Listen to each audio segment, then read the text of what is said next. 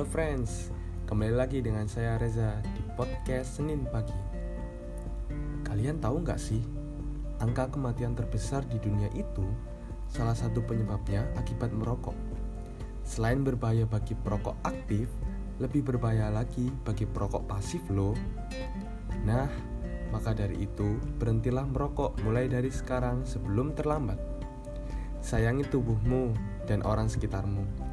Stop merokok dari sekarang karena merokok dapat membunuhmu dan orang sekitarnya yang kamu sayangi dan cintai. Iklan layanan masyarakat ini diproduksi oleh podcast Senin Pagi. Terima kasih.